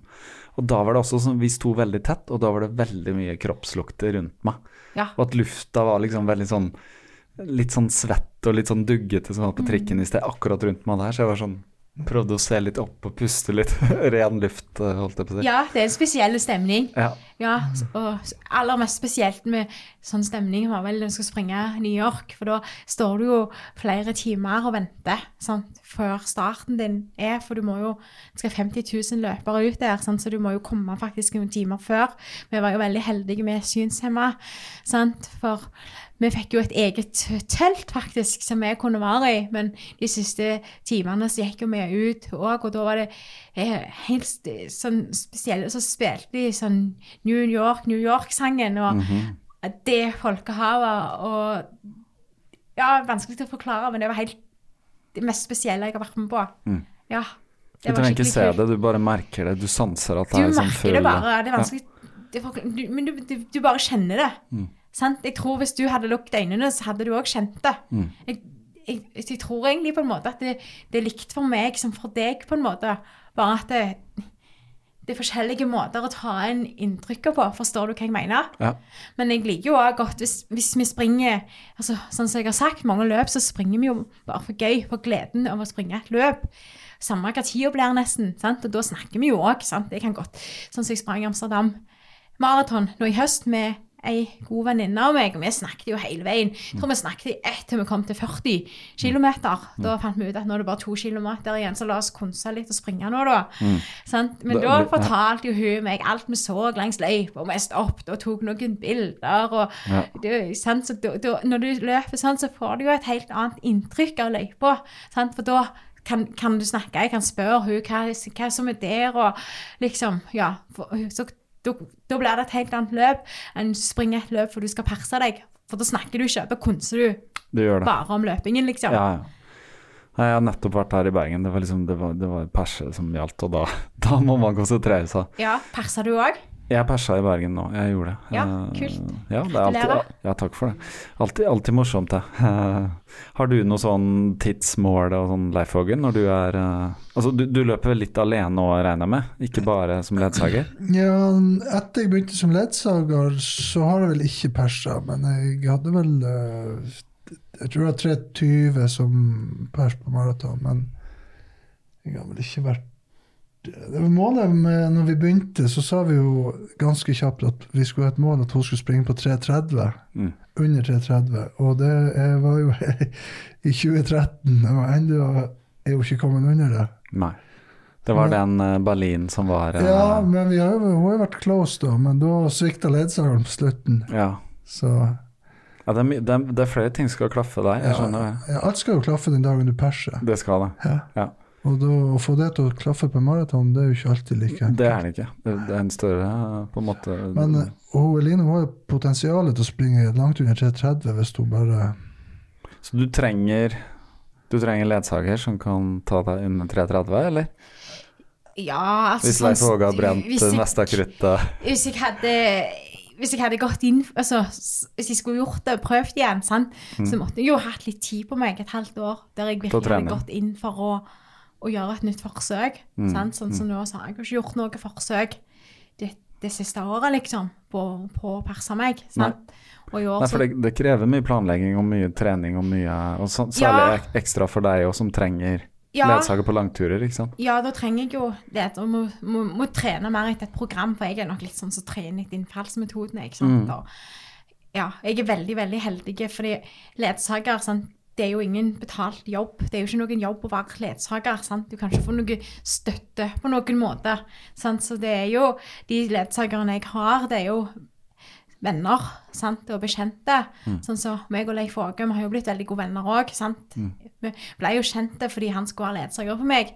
Men sant? eh, vi har jo òg ja, blitt veldig gode venner utenom det. Jeg tenker Så- at det, det må kanskje funke litt, at man liksom finner et eller annet vennskap. For det er jo, det er jo mer enn å bare være ledsager. Man er jo sammen, og man, sånn som dere to i sted, dere har jo samtaler, og det er liksom sånn Merker jo at dere kjenner hverandre og sånn, ikke sant? Ja, Nei, det er klart, når du reiser på en helgetur og er borte hele helga, så skal du kanskje springe to timer. Noe sånn som når vi springer eh, Holmenkollstafetten, så er det jo bare noen minutter. Ja, ja. Men vi bruker jo hele helga på det. ja. Så du må jo trives med å være i lag da, ellers så blir det jo Men så blir det litt rart. Ja, det blir, Da blir det et lite problem. Ja, det blir sånn. Hva skal vi gjøre all den tiden så ikke er de to minuttene? Skal Ja. løpe? For du skal løpe i morgen, eh, stafetten. Ja. Uh, og for et, uh, en ideell organisasjon, ikke sant? Eh, nei, det, eller jo, det er vel en er de det? ideell organisasjon. Altså, det er Achilles Norway heter de som jeg springer for. Og Achilles det er jo en internasjonal organisasjon som heter Achilles Internasjonal, som har forgreininger i mange land. Og den organisasjonen oppsto, sånn, hvis jeg har skjønt det riktig, så oppsto han i New York under New York Roadrunners, heter det vel. Sant? At de ønsket at og folk med, med funksjonsnedsettelser skulle få mulighet til å delta i, i New York Marathon. Sant? Så da starta de dette her heter Achilles International. Sant? Og så har de underorganisasjoner, hvis man kan si hvis det heter det. Sånn, så Achilles Norway, Achilles Australia fins, og ja, Achilles Boston har de i Boston. Sant? Så Achilles er jo sånn en slags organisasjon som tilrettelegger og hjelper synshemma. I Norge så er det for synshemma, men i Amerika så er det jo òg for andre med andre funksjonsnedsettelser, rullestolbrukere og ja, andre. Eh, for at vi skal òg kunne få delta i løp, da. Ja. Sant? Så i morgen så er det jo, er jo alle de synshemma i Norge invitert til å, å springe på et felles lag, da. Ja. Sant? Så da er vi 15 synshemma og noen hørselshemma som er med på vårt lag, som skal springe. Mm. Vi alle har med seg ledsagere da. ja. Ja. Og da har dere en av de oppover Det er mye oppover ja vi har Besserud-etappen. Ja. Så det, det blir gøy. Jeg har sprunget den noen ganger før. Så ja, det du har det. er veldig ja. gøy Ja. etappe. Så du kjenner den. Hvordan er den? Husker du det? Eller? Vet du hva, jeg husker jo ikke, jeg tror, men jeg tror du springer Det er oppover hele veien, Ja, altså. det er- det er jo en klatre- klatreetappe. Ja. Ja, men helningen og sånn, det husker jeg ikke, vet du. Nei. Nei. Men uh, sikkert når du løper i morgen, så er liksom følelsen tilbake, kanskje. Kjenner nok syra ganske kjapt, Ja, det gjør man. Mm, Det er alltid utrolig tøft å gå ut i en høy fart oppover. det er det. det er derfor du har valgt en eh, sånn liten og lett ledsager. Ja, ikke sant? En mager og tynn liten ledsager. Det Ja. blir veldig Det, bra. det er viktig når du skal løpe oppover. Ja, det er viktig. Men det, det som jo er viktig, er å få varma opp godt, da. Så liksom musklene er klar for den derre Hvordan gjør dere det? Det er jo ikke alltid så lett i, i Holmenkollstafetten. Jeg husker jeg sto veldig og venta og hoppa litt og var litt sånn Må vel prøve å ta noen drag, holdt jeg på Ja, å si. ja. Noen stigningsløp, kanskje, og sånne ting, da. Men altså, sant, jeg er jo ikke noe oppoverbakkeløper og ikke noe sprinter på ingen måte, så det, det er jo mest for gøy òg, sant. Ja. Ja, vi prøver jo selvfølgelig, så gjør vi jo vårt beste, sant. Men, men ja. Man gjør alltid det. Jeg tror ikke vi skal satse på å vinne stafetten. Nei. Nei, jeg tror ikke akkurat laget vårt eh, skal vinne stafetten. Det viktigste for laget vårt er jo å delta og, ha, og, og glede med fellesskapet, liksom. Men, men er det noe sånn tydelig at når dere løper, eh, legger man merke til at dere er Altså du har ledsager, men ser man det på noen annen måte, eller? Er det, Ja, du ser, altså når vi løper vanlige løp, holdt jeg på å si, eller, så har jeg springet hjemme så springer jeg for en klubb som heter GTI friidrett. Og så springer jeg òg for Akilles, da. Så ofte så springer du jo med den Akilles-T-skjorta. Der står det 'blind' bak på ryggen Aha. på T-skjorta. Og så har klubben òg trykt opp et sånt skilt så der står 'guide' på, som ledsageren bruker. da. Men guide Det var jo morsomt et år når vi sprang her i Oslo, meg og Leif Åge, så hadde jo han der på seg det der guideskiltet. Og guide, mange, Noen flere trodde jo at det var, han var en guide, altså en Aha. turistguide. Så det kom jo flere folk bort til han og spurte om vei og spurte om forskjellige ting, da. Så, så var det en som sa han måtte bare ligge bak meg siden jeg var guide. Så, Ok. men jeg tror heller du skal bare springe forbi hvis du vil ha en god Ja. tid. Ja. Så det var morsomt. Også det kan jo misforstås òg. Ja, det kan det. Men folk er jo, også løpere generelt er jo kjempehyggelige, sant? så alle er jo så hensynsfulle og springer vekk. Altså ikke vekk fra oss, men ut til sidene, sant? Ja. så vi slipper å flytte oss. Ja. Så jeg tror nok at det er lurt å ha, gjøre folk oppmerksomme på det, sant? for da blir de nok også mindre irriterte for at vi springer midt i veien foran de, at de må springe forbi, at ikke vi flytter oss, sant? Ja. Så jeg tror nok at det, at det, at det er lurt òg Ja. å vise at det Jeg, har, jeg, har, jeg husker ikke hvilket løp det var, men det var antakelig en halvmaraton her i Oslo som jeg har hatt minne av. Jeg har bare sett en, eh, en, en ledsager og en blind. Men det spurte jeg vel om i sted, hvor mange som stiller. Men de, de fleste løper halv og ikke hel. Ja, de fleste løper halv eller ti kilometer. Ja. Sant? Eh, Her i Oslo så har jo Oslo Maraton gjort veldig mye ekstra for å få med løpere med funksjonsnedsettelse. Så her så er jo en egen klasse på Mm. halvmaraton. Og her har de òg arrangert eh, offisielt NM i halvmaraton for uh, synshemma to ganger. Så da har jeg jo vært med på det. Mm. Eh, men det var vel bare to ganger jeg har klart altså, Jeg vet ikke hvordan kriteriene er, men det er spesielle kriterier som må være til grunn for at du skal kunne kalle det NM. da. Så det har de gjort to ganger, men nå er det jo nå er det halvmaraton med egen klasse for synshemma, da. Ja. Ja, så da prøver de å rekruttere så godt det lar seg gjøre, da. Men noen av de, de som er med, går jo gjennom løypa òg, sant. Og noen småjogger, og noen løper jo så fort de klarer, sant. Er det noe på en måte tenker, Vet vi hvor mange er noe statistikk på hvor mange som er synshemma i Norge? Altså, vet vi noe om det? Det er jo sikkert, men jeg vet ikke. Nei, nei, jeg bare tenkte på sånn i forhold til hvor mange Om vi vet hvor mange som løper som også har synshemma? Om det er noe sånn statistikk? Ja, Det er jo Blindeforbundet, ikke sant? Ja, De, det er nok veldig mange Altså, det er, er mange tusen som er synshemma, Mm. men eh, mange av de som er synshemma, er jo eldre, sant, som gjerne har aldersrelaterte ting som har gjort at de har blitt synshemma. Mm. Sant, Så jeg vil jo, sånn som jeg tror, så de fleste, gjerne 80% av de syns jeg var 70 år pluss. sant? Okay. Sånn, Og de som er sånn som jeg, som har en eller annen skade eller sykdom eller sånne ting, er jo er og er yngre. Sant? Det er jo ikke alle de heller som har lyst til å trene og løpe, da. Men eh, det fikk en boost etter eh, for noen år siden. Eh, når de lagde sånn egen klasse i halvmaraton eh, for de synshemma her i Oslo.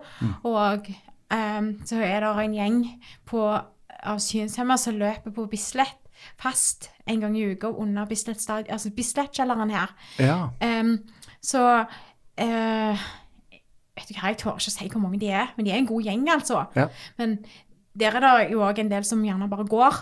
sant?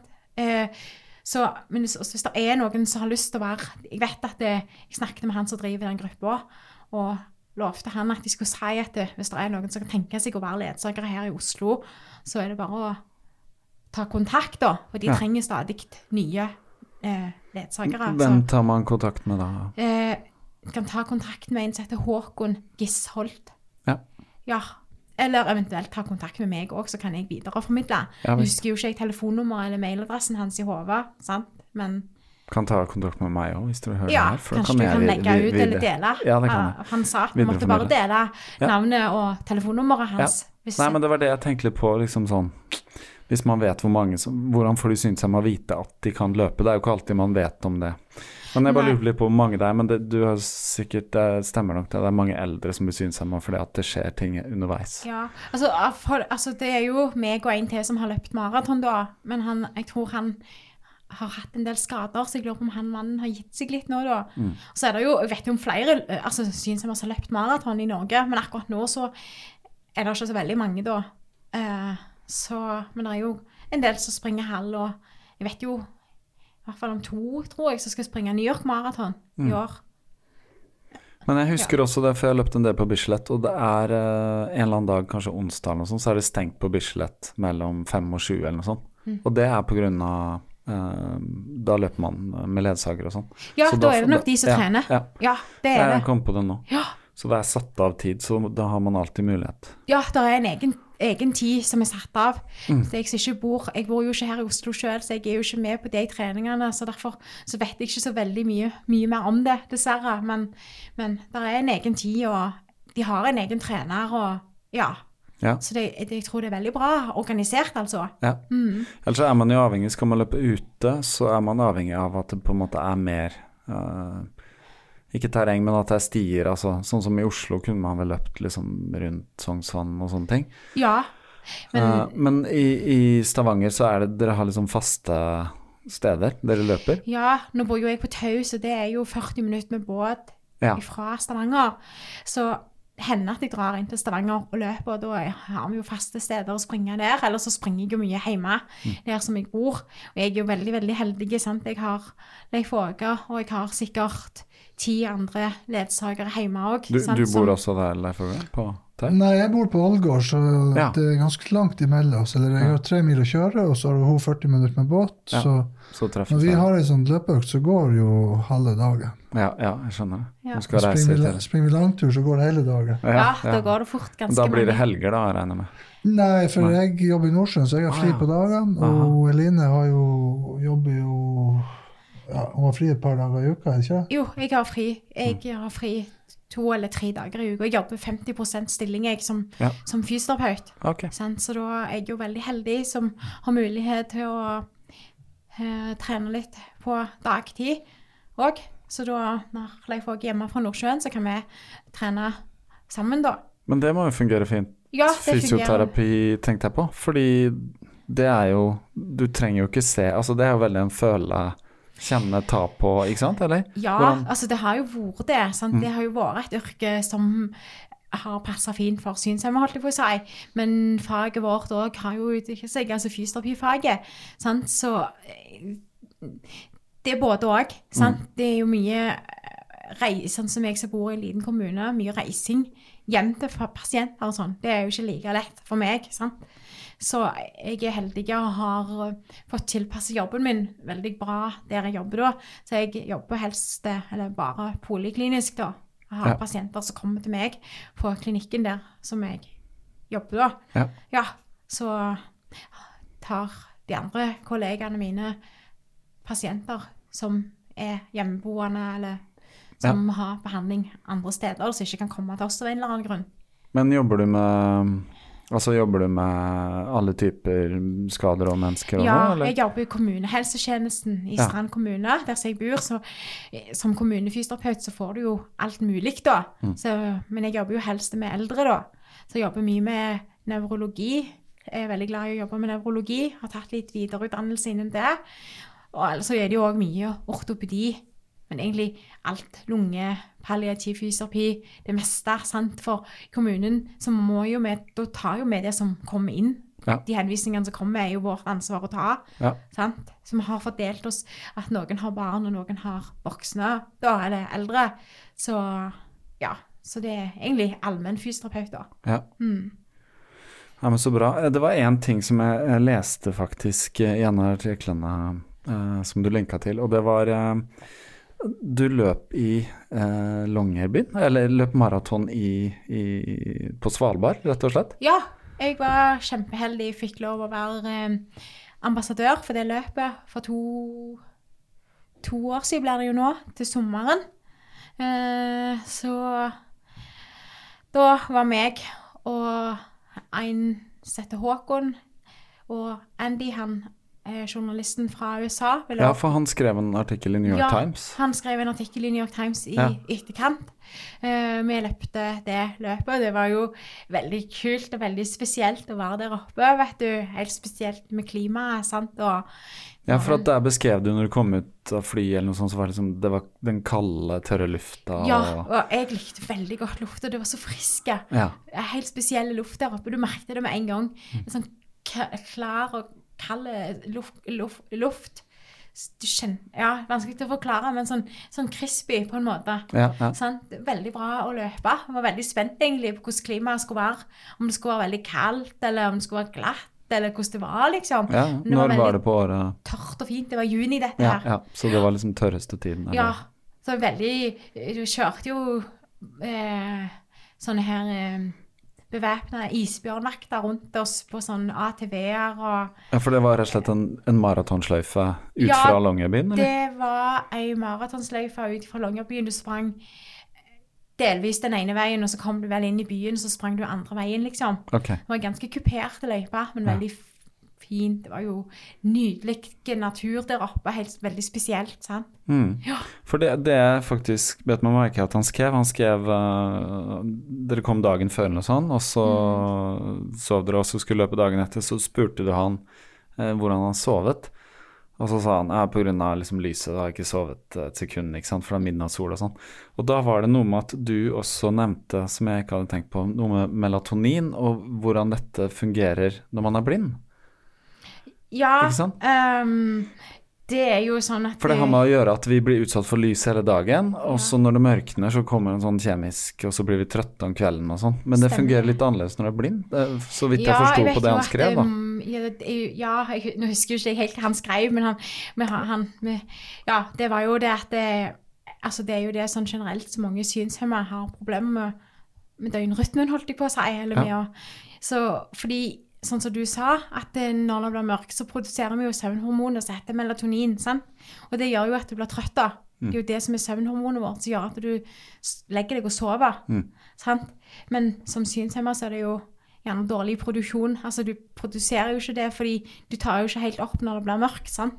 Så du mangler gjerne det hormonet. Eller altså Det, ja, Du det, får ikke toppen på en måte når det blir kveld, så du blir ikke trøtt. da, Eller du får feil døgnrytme på en måte, for du blir jo trøtt da. Men hvordan men- løser du det, eller hvordan får du det til å fungere optimalt? jeg prøver å være Prøver, det er ikke alltid det er like lett, men å være flink å legge meg til samme tid. Mm. Prøve å stå opp om morgenene til faste tid, sant. Og jeg prøver å ja, holde døgn... Være, nøye på å holde døgnrytme. døgnrytmen, rett og slett. Ja. Men det Ja. tror jeg alle Det burde alle jobbe med. Ja, si. alle bør jo det. Sant? For det er jo da det blir rot med søvn hvis du plutselig er lenge våken, og så sover du lenger. Ja. Eksempel i helgene skal du gå og legge deg, så er du ikke trøtt, og så kommer mandag morgen, og så er du helt ferdig, ikke sant. Det er helt sant. Ja. Det er helt sant. Jeg kjenner det at uh, faktisk etter hvert som jeg har blitt eldre, har veldig behov for å legge meg samtidig hver kveld.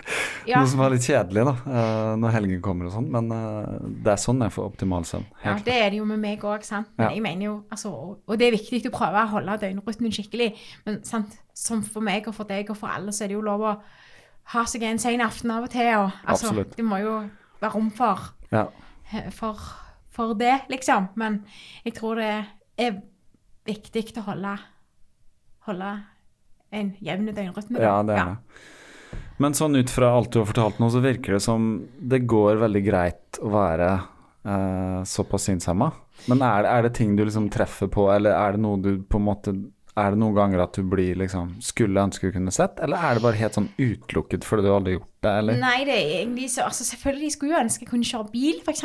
Ja. Jeg har jo to, to jenter, spesielt når de var enda yngre. sant? Vi bor jo ute på landet. Sant? Følge Altså kjøre de til barnehagen når de gikk i barnehagen.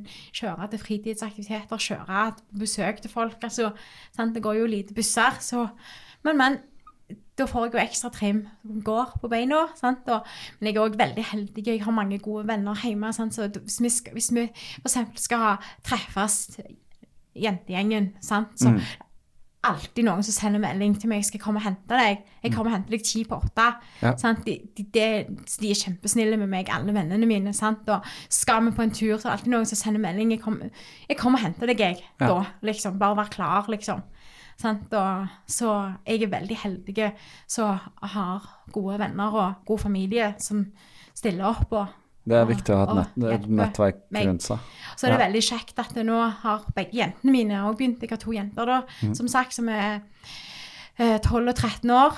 Så de òg har begynt å springe litt nå, da. Så meg og hun jenta mi på 13 sprang nettopp løp sammen. 10 km løp lokalt hjemme. Å, så kult. Ja, så det var veldig kjekt. Og målet hennes var jo at hun skulle springe under 55 minutter.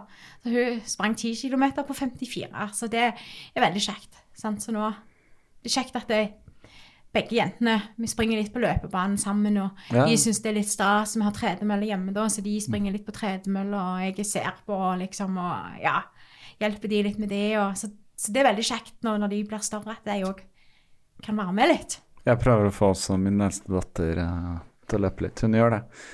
Hun har litt sånn, Det er litt mer på innfallsmetoden, men uh, hun er ti, da, så Ja. det kommer uh, Men vi har løpt parkrun sammen, og Å, hun syns det er stas. Ja. Uh, absolutt. Ja, Nei, for jeg tror de er litt stolte òg. Altså, det er kjekt for de og Ja. Det er jo voldsom mestringsfølelse det her med løping, da. Det syns jo vi voksne òg. Det er vel derfor vi gjør det. Ja. Derfor vi deltar i løp, og liksom når vi kan løpe en hel maraton og tid og altså Ja, det er Ja. jo det. Og det er jo for ungene òg, så syns jeg det er veldig kjekt at du, vi kan gjøre ting sammen, liksom. Sant?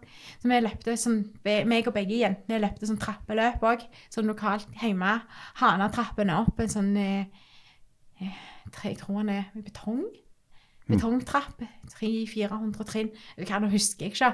Men det var første løpet til Selma, hun yngste jenta mi. da, Hun var kjempestolt. Og jeg var kjempestolt. Og mannen min var kjempestolt. Og vi var alle kjempestolte. Og det var veldig gøy å gjøre Ja. det sammen, liksom. For du, bare et sånt siste løp nå, vi snakka mye om løp, men uh, du har løpt Stoltsekleiven nå, sa du? Ja, det har jeg Gjør man det med ledsager òg, eller? Det gjør man òg med ledsager. Ja. Er ikke Ja. det veldig smalt og sånn? Jo, smalt og ujevne trinn. Så Ja. da sprang jeg med en ledsager. Så da ble vi enige om man skulle gradere trinnene. Én, da var det kort, altså eh, lavt, lavt ja. trinn. To, middels, tre, høyt trinn. Ja. Så da holdt jeg den òg, ledsageren min, ganske hardt. i altså ikke hardt, men holdt den godt i armen. For jeg ja. trengte litt støtte òg. ja, det skjønner jeg. Ja, så jeg òg løpte etter en trappeløp, og det er Flørli-trappen opp. Det har meg og Leif Åge løpt sammen to ganger. Det er jo 4444 trappetrinn. Oi. Det, Ja, det er ganske tror mange. jeg er verdens lengste tretrapp. Ja, hvor, hvor var det, sa dere? Det er Flørli i Lysefjorden. Ah, så det er helt opp på Helt opp fjellet? fra, Ja. fra fjæra og så helt opp på fjellet. ja. Jeg tror det er 1200 høydemeter. Du springer trappene opp. Nei, Nei. seks, sju, åtte, 700 høydemeter er det. Men det går på siden, trappa går på sida i sånn um, rørgate til et gammelt kraftanlegg. Mhm. Så det Så er det den, ja, den er bygd for rett og slett det kraftanlegget? ja. Ja. Mm. Det høres nå det- nådeløst ut for låra eller for beina. Ja, Mel den, Melkesyre-messig. den er tøff, men den tøffeste delen det er når du skal ned igjen. Å ja, ja. For da er du helt kjørt, ikke sant? Og så Ja, I hvert fall når vi sprang, for da Ja. blir det litt tøft. For når vi, da er det, du springer ikke trappa ned, men da er det terrengdel. Mhm. Og det er litt tungt når Ja. vi eh, Men altså, Så det er en del av løpet, det òg? At det går opp og ned igjen? Ja, så går Ja. du ned på andre sida. Og det var Aha. litt tungt, for da, da, det er litt slitsomt å springe i terrenget når du er ledsager. Ja, det Eh, jeg. Eller sikkert når du er blind òg. Ja, Det kan du si. uansett. Det er ganske, Nedover er jo tøft uansett, for det er en helt annen uh, ganske tøft terreng der. Mye steiner. Det er veldig vanskelig, syns jeg, med stein, når det er mye steiner og bekker og ja. Da er det ekstra utfordrende for ledsageren òg. Ja. Men da trente jeg bicepsen bedre enn lårmuskulaturen. ja. For da må du holde Ja. Ja. Men nesten, ja, ikke sant? For det ble nesten litt sånn statisk. Ja. Ja, ikke sant. Men Det det var gikk. tøft, men det var gøy òg, da. Ja, ja. Det var veldig gøy når vi kom i mål og Ja. vi hadde Vi har vel løpt det to ganger, har vi ikke det? da? Jo, sist da var det jo to ledsagere. Da var jo hun Ja. Astrid òg med. Da var det du og Astrid, og så løpte vel meg og deg alene året før. Ja. Ja. Så jeg òg løpt Vasaloppet i Sverige. Det var gøy terrengløp. Altså, men jeg løpte halvvasaen da. Ja, som Ja. var 45 Ja, 45. Mm. Og så jeg løpte Men det går fint også, terreng, med så mye opp og ned Ja, og altså, det går Vasa, eller halvvasaen som jeg løpte, 45, den var jo mye lettere terreng enn det med å løpe. Den meg og Leif Åge løpte i, i Lysefjorden. Mm. Men det er jo en utfordring, det for det er jo langt med 45 km. Så det var jo en, det var ei, ei slags sånn steinrøys og sånn. Det var det veldig utfordrende. Men eh, det var veldig veldig bløtt det året. Sant? Så det var jo elver. Vi løpte jo gjennom vannet og overalt. Og veldig masse glatte røtter og steiner det året vi, vi, vi løpte da. Så vi ble litt skremt. Vi var med på sånn frokostløp eller sånn dagen før, fem kilometer. Løpte siste delen av løypa, og det var skikkelig glatt. Og så, da tenkte vi herre min, dette kommer aldri til å gå bra. liksom. Jeg var ganske skremte da. Men så tenkte vi jo når vi først reiste helt her, så vi må jo bare stille. Så da tenkte vi Vi hadde liksom tidsmål på fem timer. Men da tenkte vi for å glemme hele tidsmålet. For hvis vi kommer i mål, så er det bra i seg sjøl, liksom. Det kom seg i hell, hell hel Ja, ja. en Så, En det. men det gikk egentlig bedre. Når vi kom i gang, så fant vi ut at jeg skulle springe bak ledsageren helt teit, teit, teit Mm. med hun eh, Britt Hege, som jeg sprang med da. Sant? Så hun eh, Heldigvis hun nordlending, da, så hun har god stemme. Og, så hun måtte jo rope eller si hele veien 'rot, rot, rot, stein, stein, stein, hav, hav, hav'. Rot, rot, sorpa, sorpa. Sant? Det var jo ganske slitsomt å være ledsager og ganske slitsomt å løpe. Men veldig, veldig gøy òg. Vi hadde ikke noe sånn tidsmål, så vi stoppet jo og tok litt bilder. Og Ja. stoppet og spiste på drikkesnei på disse og Ja, ja. og koste oss veldig, da. Så jeg tror vi sprang på fem timer og Kan det være fem timer og 13 minutter? Det er bra på en 45, da. I, Ja, så vi var veldig, veldig fornøyde med det, altså. Det var veldig gøy. hva er neste planlagte løp nå, da? Nei, altså I år så skal jeg springe det største Altså det som er hovedmålet, eller hva skal jeg si, for året er vel å springe Aten-maraton. Mm. Da Ok, skal- Aten, ja. Da skal jeg springe. Det er jo den autentiske, eller den originale, da. Ja. Så da springer du fra maraton, altså den byen maraton, og til Aten. Så springer du vel i mål på den gamle Olympiastadion der. Mm. Så da skal han eh, Andy, han fra USA, komme over. Og så skal jeg ha med en ledsager til. Når er det? Er det i høst? i, i november. Ja. Ja. Men det blir nok noe løp før det òg, altså. Her Ja. i hjemme, holdt jeg på å si. Ja. Eller i Norge, da. Du slenger deg på eh, ting som er lokalt? Og, Ja, jeg ja. eh, slenger meg nok sikkert på her i Oslo, og Mm. slenger meg Kanskje meg og Leif Åge plutselig slenger med oss på noe lokalt hjemme, eller ja, Ja. Så det blir nok noen løp før det, altså. kult. Men det er veldig gøy å høre dere fortelle om dette, da. Bare få litt sånn innblikk i hvordan dette funker. Ja, er det noe jeg ikke har spurt om, som er litt sånn innlysende, kanskje? Men hun glemte å fortelle de der to uh, offisielle norgesmesterskapene som var arrangert. Ja, ja. Så glemte hun å fortelle hvem som vant. Hvem som ble den offisielle norgesmesteren Ja, hvem var de to ganger. Nei, hvem var det? Hvem var det? Nei, jeg vet ikke. Nei, det Nei, det var Det var vel meg, det, da. Ja.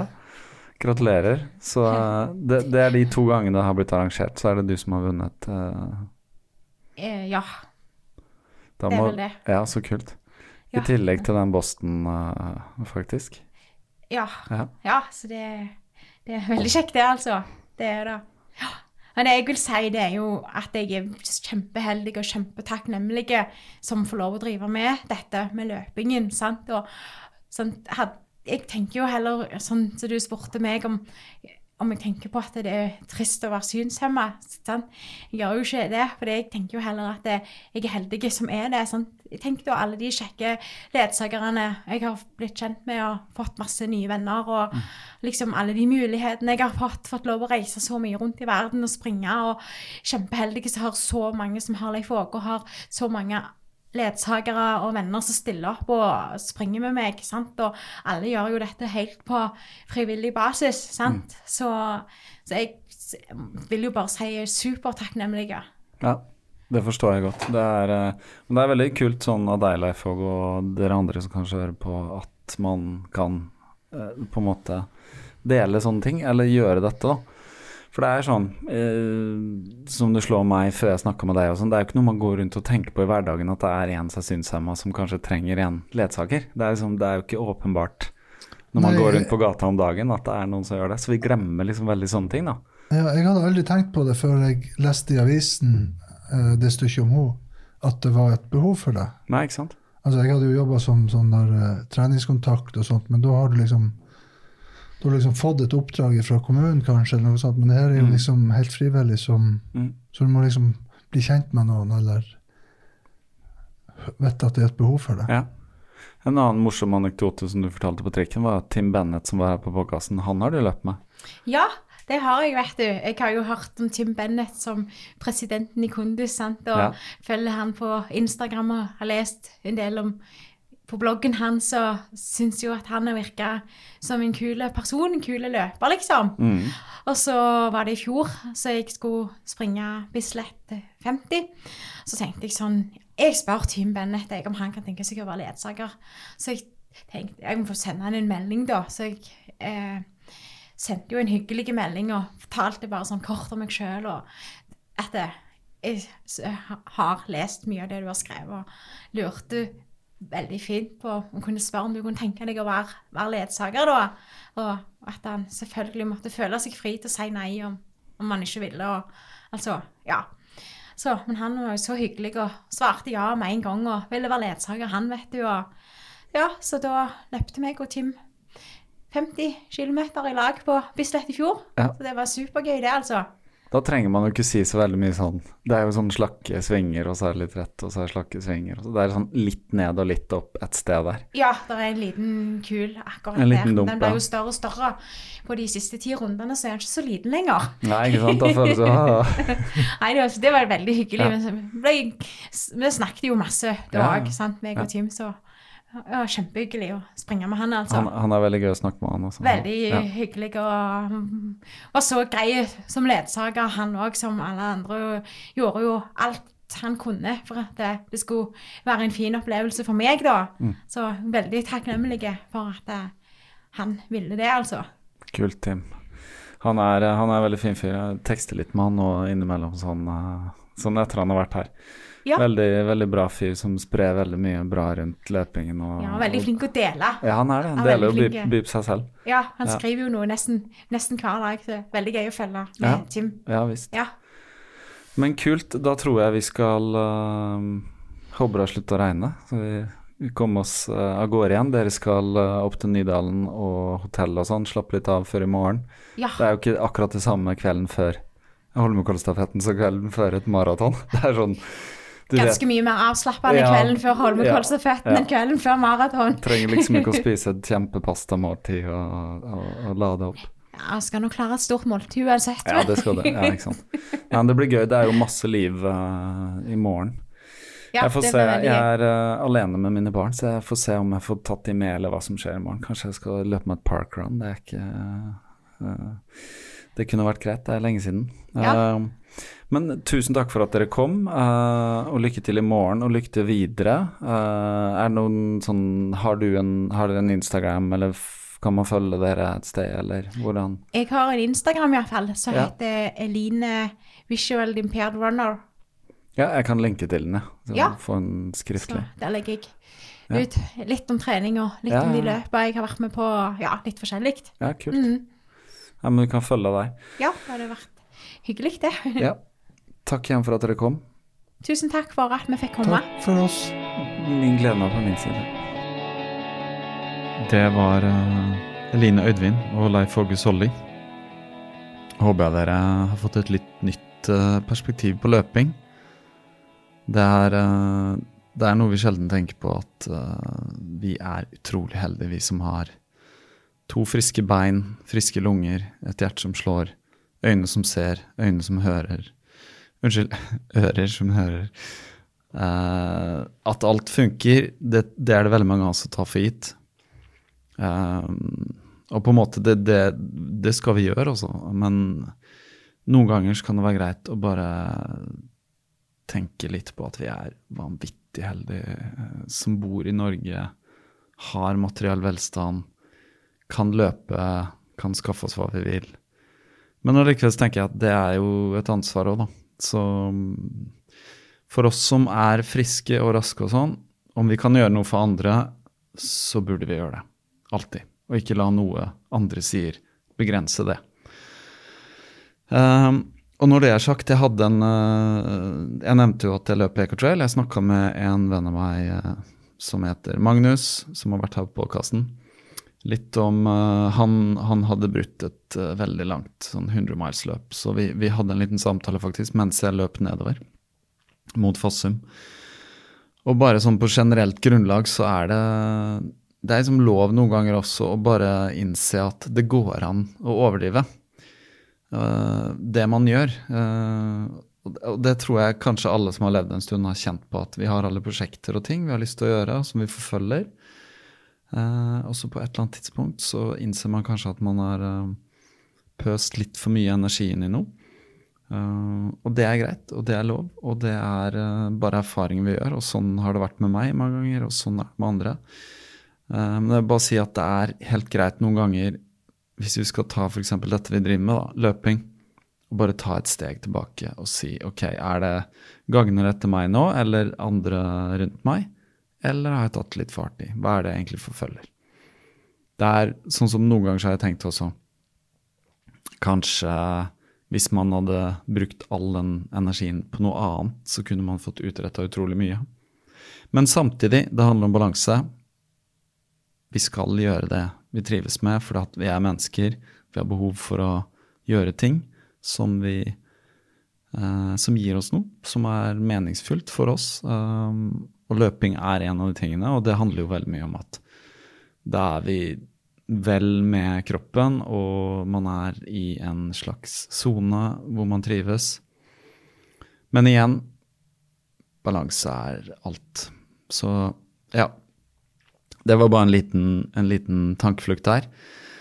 Um, nå, altså En ting til jeg vil si, og det er at uh, nå er det 17 episoder innspilt, ferdig og utgitt på 17 uker på rad for min del.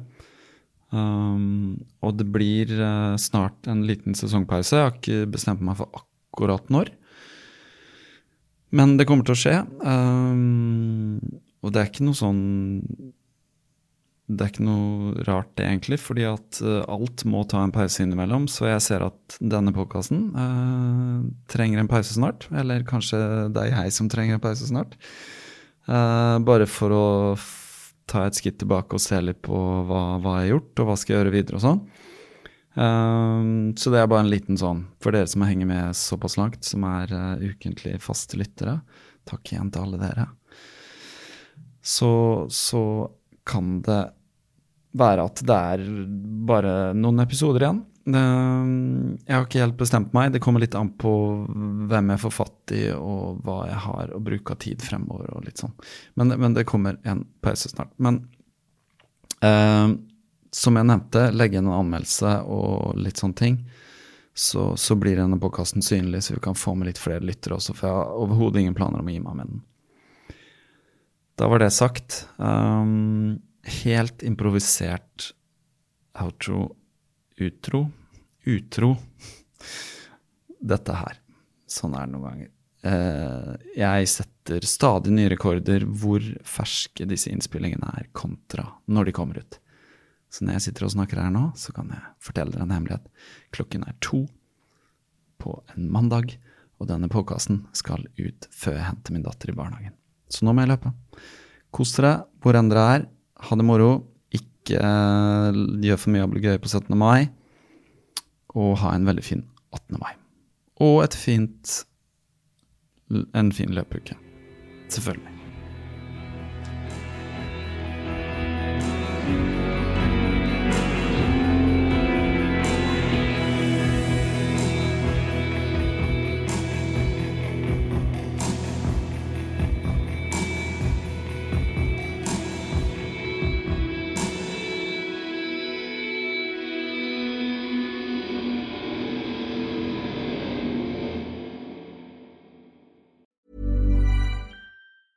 Hi, I'm Daniel, founder of Pretty Litter. Did you know cats tend to hide symptoms of sickness and pain? I learned this the hard way after losing my cat, Gingy. So I created Pretty Litter, a health monitoring litter that helps detect early signs of illness by changing colors, saving you money and potentially your cat's life. Pretty Litter is veterinarian developed, and it's the easiest way to keep tabs on your fur baby's health right at home. Go to prettylitter.com and use code ACAST for 20% off your first order and a free cat toy. Terms and conditions apply. See site for details.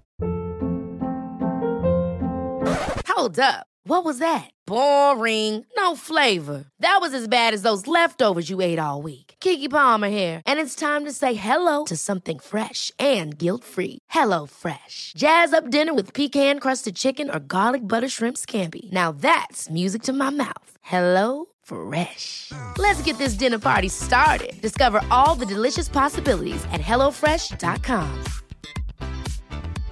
Imagine the softest sheets you've ever felt. Now imagine them getting even softer over time. That's what you'll feel with Bowl and Branch's organic cotton sheets. In a recent customer survey, 96% replied that Bowl and Branch sheets get softer with every wash. Start getting your best night's sleep in these sheets that get softer and softer for years to come. Try their sheets with a 30-night guarantee. Plus, get 15% off your first order at bowlandbranch.com. Code BUTTERY. Exclusions apply. See site for details.